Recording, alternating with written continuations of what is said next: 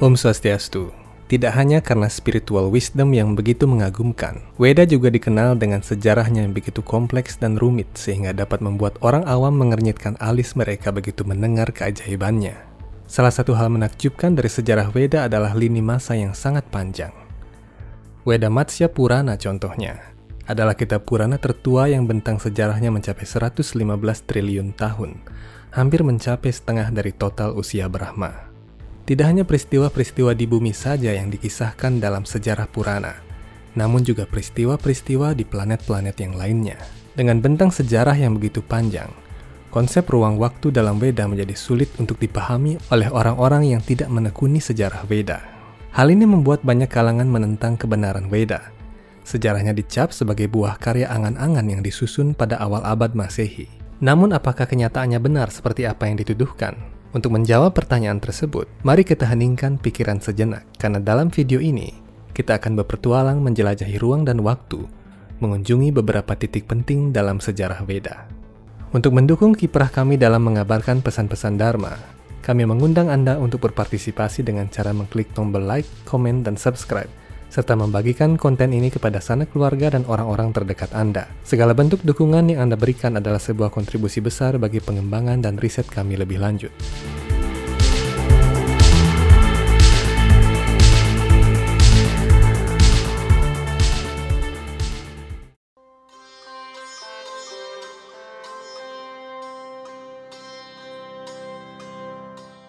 Ada tiga sejarah Weda yang sangat terkait dengan distorsi ruang dan waktu. Kisah pertama adalah kisah Airawata, gajah milik Dewa Indra. Kisah kedua adalah kisah tentang Varanasi.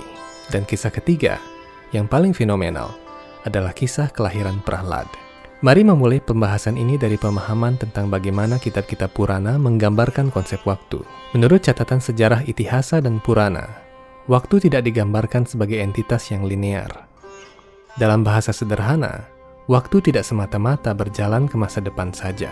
Berbeda dengan pandangan biasa, kitab-kitab Purana menggambarkan waktu sebagai lingkaran kala cakra di mana masa lalu, masa kini, dan masa depan sesungguhnya telah ada dan terjadi bersamaan. Dengan kata lain, segala tindak tanduk semesta dan sebab akibatnya telah terjadi secara serempak dalam badan waktu yang kekal. Tuhan Sri Krishna membenarkan hal ini dalam Veda Bhagavad Gita bab 11 ayat 7. Beliau bersabda, Wahai Arjuna, apa pun yang ingin engkau lihat, lihatlah dengan segera dalam badanku ini. Bentuk semesta ini dapat memperlihatkan kepadamu apa pun yang ingin engkau lihat sekarang dan di masa depan. Segala sesuatu yang bergerak dan tidak bergerak berada di sini secara lengkap, di satu tempat. Dalam Veda Bhagavad Gita bab 7 ayat 26, Tuhan Sri Krishna juga menyatakan, Wahai Arjuna, sebagai Tuhan yang Maha Esa, Aku mengetahui segala sesuatu yang terjadi pada masa lampau, segala sesuatu yang sedang terjadi sekarang, dan segala sesuatu yang akan terjadi di masa yang akan datang. Aku juga mengenal semua makhluk hidup, namun tiada seorang pun yang mengenal diriku. Dua ayat tersebut membuktikan bahwa waktu adalah sebuah wujud yang utuh, lingkaran yang tanpa awal dan tanpa akhir. Namun demikian, manusia tidak dapat melihat seluruh badan waktu yang maha besar itu, sehingga persepsi manusia membuat waktu seolah-olah terbagi menjadi masa lalu, masa kini, dan masa depan dengan kapasitas jangkauan dimensi yang sangat kecil. Sementara itu, bagi makhluk hidup yang diberikan kekuatan Trikalagiana atau pengetahuan lintas waktu oleh Tuhan, mereka tidak lagi membedakan waktu sebagai masa lalu, masa kini, dan masa depan, sebab mereka dapat berpindah dimensi ruang dan waktu atas karunia Tuhan sendiri. Kemampuan berpindah ruang dan waktu yang dimiliki oleh pribadi-pribadi agung di alam semesta ini menjadi alasan mengapa sangat banyak peristiwa sejarah Purana yang terkesan tumpang tindih dan tidak kronologis. Semua peristiwa sejarah tersebut terjadi di ruas-ruas waktu yang berbeda, namun pelakunya sama. Atau bisa juga pelakunya berbeda, namun waktu terjadinya yang sama. Membingungkan bukan? Karena itu sejarah-sejarah Purana terkadang sangat kompleks, melibatkan peristiwa di ruang dan waktu yang berbeda. Ini sama sekali bukan karena sejarah Purana adalah sebuah khayalan ataupun karena para maharsi penerima wahyu kebingungan saat menyusun Weda. Ini melainkan karena peristiwa yang terjadi melibatkan dimensi ruang dan waktu yang beragam. Kisah pertama tentang paradoks ruang dan waktu adalah kisah gajah Dewa Indra, Airawata. Kisah ini sangat terkait dengan peristiwa Samudra Mantana atau pengadukan lautan susu yang terjadi pada periode Manwantara ke-6 atau Caksusa Manwantara. Peristiwa ini menandai dimulainya zaman Mesozoikum dalam geologi modern, ditandai dengan munculnya banyak spesies tumbuhan angiosperma, reptil, dan amfibi yang berbeda dengan Manwantara sebelumnya. Suatu ketika, Risi Durwasa berkunjung ke Amarawati, salah satu dari sembilan kota para dewa di Swarga Loka yang berlokasi di sisi timur puncak Sumeru Parwata. Karena berkenan atas keramahan Dewa Indra, pemimpin para dewa, Resi Durwasa memberinya seuntai kalung bunga sebagai berkat. Dewa Indra, yang kadang menjadi lupa diri akibat kemasyuran surgawi yang dimilikinya, menganggap kalung bunga itu sebagai kalung bunga biasa dan menempatkannya di belalai gajah putih tunggangannya. Gajah itu kemudian menjatuhkan kalung bunga itu dan menginjak-injaknya. Merasa tersinggung karena Dewa Indra memperlakukan kalung bunga pemberiannya dengan tidak hormat, Resi Durwasa berniat memberi pelajaran etika pada raja para dewa itu. Resi Durwasa mengutuk para dewa agar segala kemasyuran, kekuatan, pengetahuan dan kemewahan mereka lenyap seketika. Di tengah keputusasaan, para dewa akhirnya memohon belas kasihan kepada Dewa Brahma, leluhur semua makhluk di alam semesta ini. Kemudian para dewa, dipimpin oleh Dewa Brahma, pergi ke tepi lautan susu di planet bernama Sweta Dwipa di poros alam semesta. Di sana mereka berdoa kepada Sri Wisnu, memohon solusi atas permasalahan tersebut. Sri Wisnu menyarankan para dewa agar bekerja sama dengan para asura untuk mengaduk lautan susu dan memperoleh kembali segala kemasyuran mereka. Dari lautan susu itu akan muncul Lakshmi Dewi, dan di mana pun ada Lakshmi, di sana akan ada segala kekayaan dan kemasyuran. Salah satu hasil dari pengadukan lautan susu adalah gajah putih Airawata dinyatakan bahwa Dewa Indra mengambil gajah ini sebagai kendaraannya. Yang menjadi pertanyaan, bukankah Airawata telah menjadi kendaraannya sebelum dikutuk oleh Resi Derwasa? Ini adalah salah satu bukti adanya paradoks ruang dan waktu.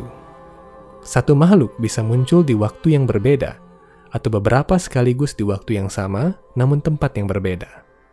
Dalam istilah astrofisika modern, ini disebut fenomena dimensi paralel. Paradoks ruang dan waktu yang terjadi dalam banyak peristiwa sejarah Veda juga bisa menjelaskan satu lagi fenomena penting yang akan mengungkap betapa ajaibnya alam semesta ini. Fenomena ini terkait dengan keberadaan banyak tempat suci, terutama di Baratawarsa. Usia tempat-tempat suci itu sangat mencengangkan, mencapai ribuan bahkan sampai jutaan tahun. Rama Setu atau Setu Banda, jembatan Sri Rama, berusia sekitar 900 ribu tahun menurut perhitungan dalam Ramayana. Kerajaan Kusastali yang kemudian diangkat dari lautan oleh Tuhan Sri Krishna dan menjadi dua raka, berusia lebih dari satu setengah juta tahun. Pilar Ugrastamba di India Tengah, tempat Tuhan muncul sebagai Narasinga Awatara, berusia jauh lebih tua, yaitu 300 juta tahun, menurut perhitungan sejarah Purana. Orang pastinya bertanya-tanya, apakah tempat setua itu bisa tetap terwujud sebagaimana adanya setelah jutaan tahun? Banyak ilmuwan telah melakukan perhitungan dengan menggunakan metode carbon dating dan menemukan bahwa usia-usia tempat suci tersebut tidak lebih dari 5000 tahun saja. Dengan dasar itu, mereka menyatakan bahwa apa yang dinyatakan dalam Veda adalah sebuah kebohongan. Namun demikian, orang yang mengetahui kebenaran Veda tidak akan berpikir sependek itu. Usia batuan di tempat-tempat suci mungkin hanya mencapai angka ribuan tahun, tetapi bagaimana jika tempat-tempat suci itu adalah tempat-tempat yang selamat dari arus waktu, sehingga bisa bertahan jutaan tahun? Mari kita menyimak salah satu kisah contoh mengenai Dewa Siwa yang diangkat dari Weda Siwa Purana. Kisah ini adalah kisah sejarah terjadinya kota suci Varanasi yang saat ini berada di Benares. Karena Dewa Siwa sangat mencintai kota suci ini, yang dihias oleh ibu Gangga dan aroma tulasi dari kaki Padma Tuhan, Dewa Siwa berjanji bahwa kota Varanasi akan tetap ada bahkan setelah hari peleburan. Ketika peleburan alam semesta tiba, Dewa Siwa berjanji akan menopang Varanasi dengan ujung trisulanya yang perkasa. Dan ketika peradaban baru tercipta kembali di bumi, Varanasi akan ditempatkan di koordinat semula. Dari kisah tersebut kita dapat memahami bahwa tempat-tempat suci, di mana Tuhan turun dan melangsungkan kegiatan rohaninya, adalah tempat yang memiliki medan ruang waktu tersendiri. Dalam ilmu Samkhya, perisai ruang waktu ini adalah salah satu aspek tenaga rohani Tuhan yang dikenal sebagai Yoga Maya. Yoga Maya menjaga suatu tempat suci agar tidak lekang oleh waktu. Karena itulah, tak heran jika Ugras Tamba yang berusia sekitar 300 juta tahun berdasarkan penjelasan kitab suci, memiliki bebatuan yang usianya hanya pada angka ribuan tahun secara fakta. Kisah sejarah ketiga tentang paradoks ruang dan waktu adalah kisah sejarah lahirnya Prahlad, putra Hiranyakasipu. Kisah sejarah ini adalah bukti yang sangat tegas tentang paradoks ruang dan waktu dalam sejarah Purana. Dalam Veda Bhagavata Purana, buku ketujuh, bab 3, ayat 15 dan 16, dinyatakan bahwa Hiranyakasipu melakukan pertapaan selama 100 tahun para dewa atau sekitar 36.000 tahun manusia. Tatkala Hiranyakasipu pergi bertapa, dia meninggalkan istrinya yang setia bernama Kayadu. Saat itu, Kayadu telah hamil. Tatkala Hiranyakasipu pergi, para dewa menculik Kayadu dan berniat membunuhnya bersama janin Asura dalam kandungannya. Para dewa berpikir bahwa janin yang dikandung Kayadu selama 12 bulan itu akan melahirkan Asura yang sangat kuat. Namun beruntung, Dewa Narada hadir dan mencegah perbuatan keji itu. Dewa Narada kemudian melindungi Kayadu di pasramannya. Di pasraman Dewa Narada, setelah usia kandungannya mencapai 12 bulan, Kayadu melahirkan seorang putra yang dinamai Prahlad. Dari sejak dalam kandungan, Prahlad setiap hari mendengar kisah-kisah rohani Tuhan dan pelajaran rohani kitab suci Weda dari Dewa Narada. Sehingga pada saat ia lahir, dia menjadi seorang penyembah Tuhan yang sangat agung. Kisah ini lebih lanjut dinyatakan dalam sejarah kemunculan Narasinga Awatara. Yang misterius dari kisah ini adalah, tatkala Hiranyakasipu menghabiskan 36.000 tahun bertapa, dia bertemu dengan anaknya yang baru berusia lima tahun. Secara logika, bagaimana mungkin seorang ayah bertapa selama ribuan tahun, namun anaknya baru berusia lima tahun? Peristiwa kelahiran Prahlad ini membuktikan adanya dilatasi waktu di planet-planet yang berbeda di alam semesta. Tatkala Kayadu diselamatkan oleh Dewa Resi Narada, dia dibawa ke sistem planet yang lain, yakni planet Tapaloka, yang berdekatan dengan Brahma Loka. Di sistem planet itu, Prahlad baru berumur lima tahun, namun di bumi, puluhan ribu tahun telah berlalu. Inilah bukti adanya perbedaan ruang dan waktu dalam sejarah Weda. Sejarah Purana walaupun terkesan tidak kronologis, sebenarnya adalah catatan sejarah semesta yang terjadi di dimensi ruang dan waktu yang berbeda-beda, di planet dan masa yang beragam. Karena itulah terkadang pembaca yang awam menemukan ketimpangan dalam sejarah Purana, lalu menganggapnya sebagai hayalan. Inti dari semua sejarah tersebut adalah kegiatan rohani Tuhan bersama para penyembahnya di berbagai dimensi planet. Siapa pun yang menyimak kegiatan rohani tersebut kelak ia pasti akan mendapatkan penyucian dan pembebasan dari pengaruh alam semesta material. Itu adalah tujuan utama dari seluruh catatan sejarah Weda.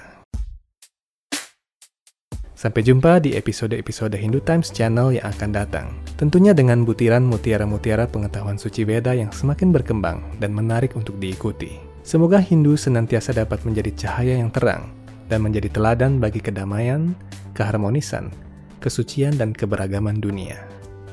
Om Santi Santi Santi Om.